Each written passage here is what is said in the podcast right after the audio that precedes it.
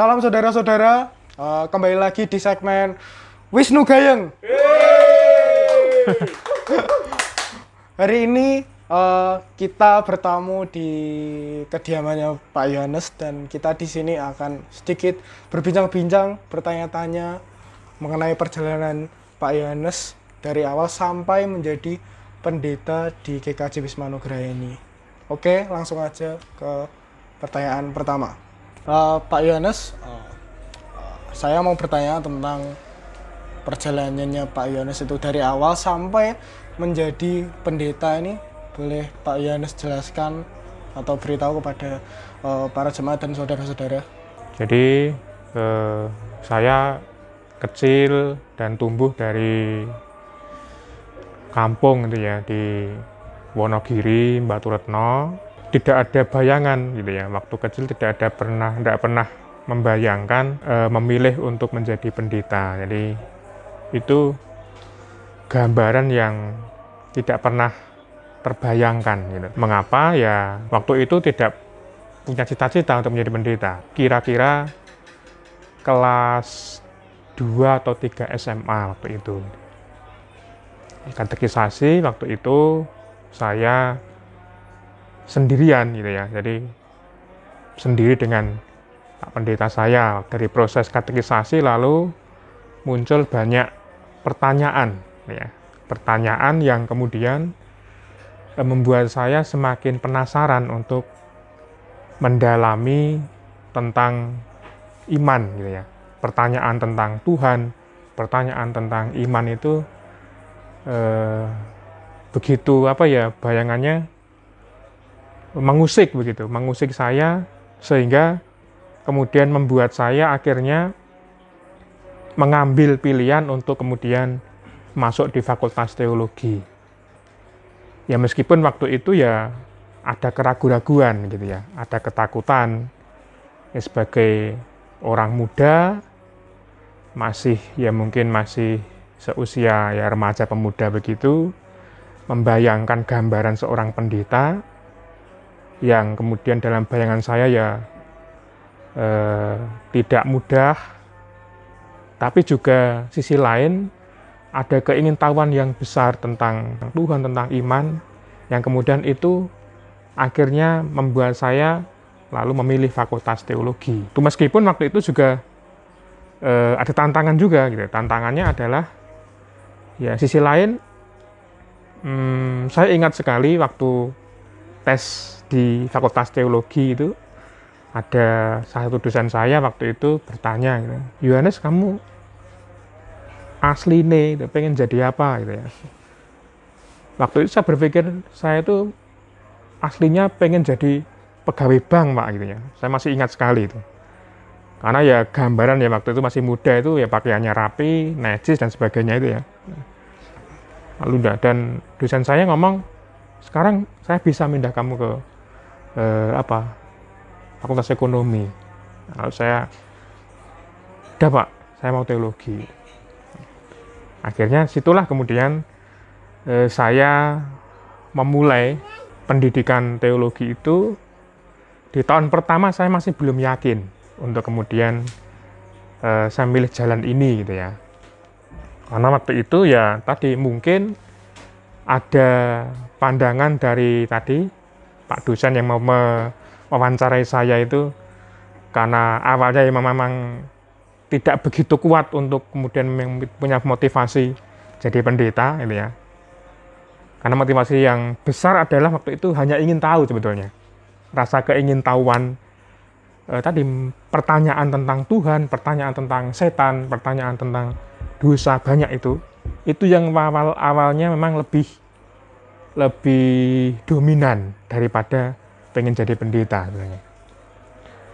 Nah, makanya ketika tahun pertama awal, nah, ketika ketemu Pak dosen itu, saya selalu dikatakan gini, Yohanes, saya tidak yakin tahun depan kamu masih di sini. Jadi pikiran saya tahun pertama saya DO gitu. Didekan Pak itu Pak? Oh iya, karena kan tahun pertama itu kan eh, apa? Ada semacam kalau IP nanjak nyampe itu kan DO gitu. Oh, iya.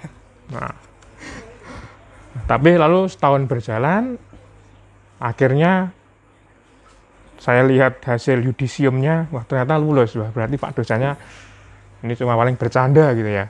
Nah akhirnya, nah mulai di situlah kemudian, mulai di tahun kedua itu, ya saya harus sungguh-sungguh betul gitu. Untuk kemudian ya eh, menekuni dengan sungguh-sungguh gitu. Nah, setelah kemudian eh, perjalanan perjalanan hidup itu kemudian berlangsung, lalu saya berusaha untuk kemudian semakin memantapkan diri. Ya meskipun ya tantangannya ya banyak gitu ya untuk kemudian apakah mau mengambil e, jalan menjadi pendeta atau tidak.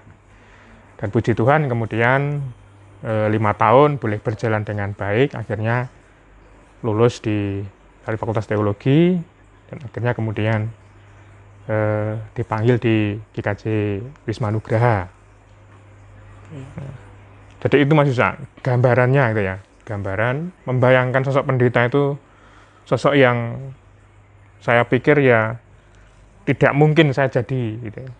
Karena bayangannya ya saya tidak mungkin bisa gitu ya. Bahkan kemudian saya pernah berujar, wah, ojo ngasih pendeta gitu. Pernah itu saya berujar begitu. Ojo ngasih pendeta. Tapi malah jadi gitu nggak tahu saya gitu. Kok bisa muncul itu? Nah, gitu. Nggak mungkin saya jadi pendeta itu karena apa, Pak? Ya, takut. Karena, oh, takut Waktu ya? masih, ya saya masih usaha, saya takut. Ketika masih muda itu, saya bukan orang yang aktif di gereja, saya nggak terlalu aktif. Ya, karena saya rumah saya itu jauh dari gereja, pergaulan saya itu biasanya ke teman-teman yang ya bukan orang gereja. Akhirnya di gereja itu saya agak kurang komunitas. Seperti orang jadi, seorang ya, asing jadi gitu ya, saya lebih ke komunitasnya ya teman-teman saya di di kelompok saya gitu, bukan di gereja. Gambaran jadi pendeta itu ya tidak mungkin gitu. Itu begitu awalnya. Gitu. Dari kata-kata Pak Yohanes tadi itu ada yang menjadi pikiran saya dan menjadi pertanyaan ya Pak ya. Hmm. Oh, menjadi pendeta karena ada pertanyaan-pertanyaan iman hmm. yang belum terjawab. Kenapa Pak Yohanes nggak memilih bertanya kepada pendeta di gerejanya Pak Yones gitu loh. Bagi saya tidak terjawab, belum terjawab sepenuhnya atau mungkin belum saya pahami sepenuhnya gitu ya. Akhirnya yaitu semangat yang besar pertanyaan yang besar itu akhirnya membuat saya memilih fakultas teologi itu. Gitu. Jadi pemicunya itu yaitu eh, pertanyaan iman itu yang waktu itu ya mengusik saya gitu Mas Yusa. Oke. Uh, pernah nggak sih Pak saat-saat pas pendidikan itu uh, kayak down gitu Pak? Kayak aduh aku udah udah males udah nggak mungkin dan itu karena apa Pak? Ya pernah gitu ya. Jadi semacam mengalami apa ya seperti kekeringan rohani itu pernah. Kuliah teologi itu seperti membangun bangunan rumah iman. Kadang-kadang dalam perjalanan itu kita bertemu dengan ya Eh, materi-materi yang kemudian membuat kita ya bertanya, mengkritisi, kadang-kadang belum menemukan jawaban. Akhirnya ya ada sisi di mana kemudian meragukan Tuhan gitu ya karena belum nemu, belum bisa mensistematisasi pemahaman gitu ya. Akhirnya ya seiring waktu kemudian bisa menemukan. Jadi kadang-kadang jadi mas ke gereja gitu ya. Itu pernah, pernah saya alami.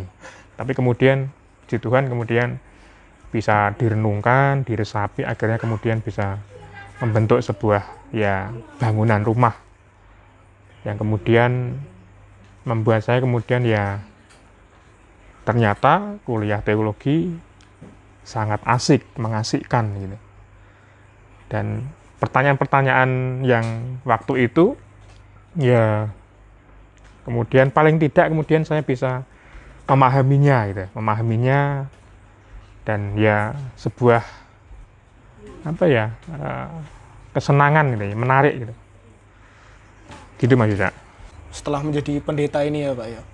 Yang dulunya Pak Yohanes itu uh, berpikiran bahwa tidak mungkin menjadi pendeta karena takut iya bener ya pak ya yeah. setelah setelah menjadi pendeta ini gimana pak apakah hmm. masih takutkah atau emang udah uh, udah terbiasa semakin bertambahnya usia, bertambahnya eh, cara pandang gitu ya tentu berubah gitu ya. Dan sekarang kemudian saya menghayati bahwa eh, panggilan menjadi pendeta yang merupakan anugerah, gitu ya. anugerah dalam arti eh, kalau melihat diri ya eh,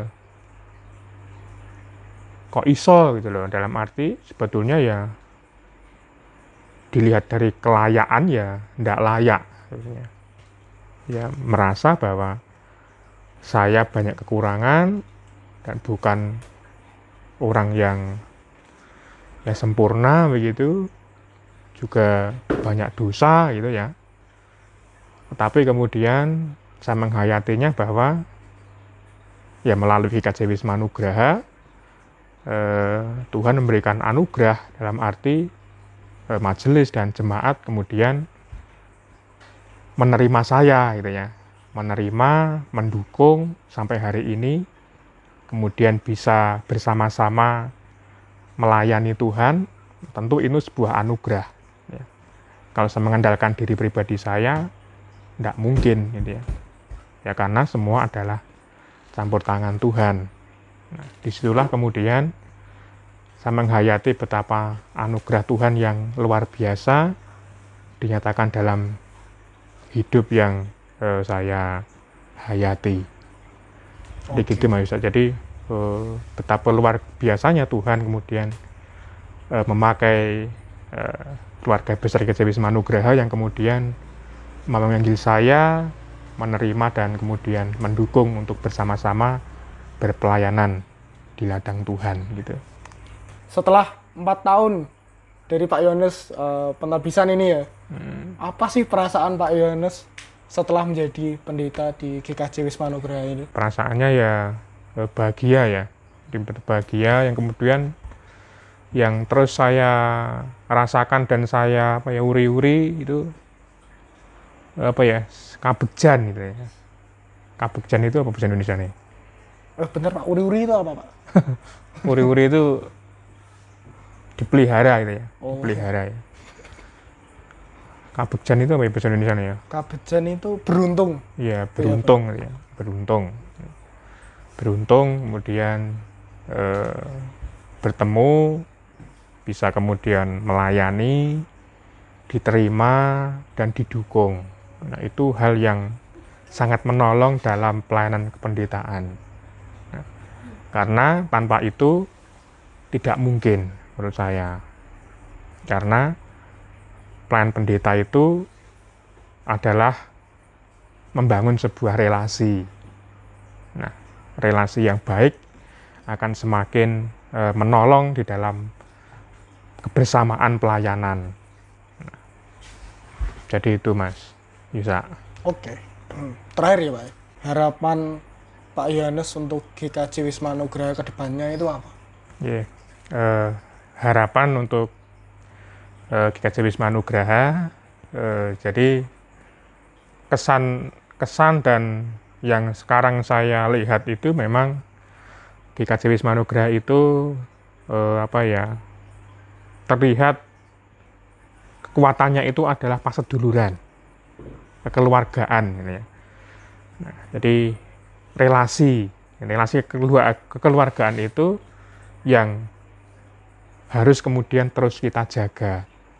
Kita jaga, kita pelihara, kita pupuk agar kemudian itu semakin membuat kita merasakan kasih Allah. Wisma Nugraha itu kan rumah yang menerima merasakan mendapatkan anugerah rumah kanugrahan. Nah, dan kiranya itu kemudian semakin kita rasakan sebagai keluarga besar Wisma Nugraha. Jadi harapan saya sekali lagi adalah menjaga relasi, menjaga duluran, sehingga melalui duluran kita, kekeluargaan itu, nama Tuhan kemudian semakin dimuliakan melalui hidup kita, pelayanan kita, kebersamaan kita, dan kehidupan kita ya gayeng, bahagia, menyenangkan. Dan itulah keluarga Tuhan. Gitu. Nah itu Mas Yusa. Oke, terima kasih Pak Yones. Oke, terima kasih Mas Yusa. Itu tadi saudara-saudara perbincangan saya dengan Pak Yohanes. Semoga bisa menjadi berkat bagi saudara-saudara semua dan kalian semua terberkati. Dan sampai jumpa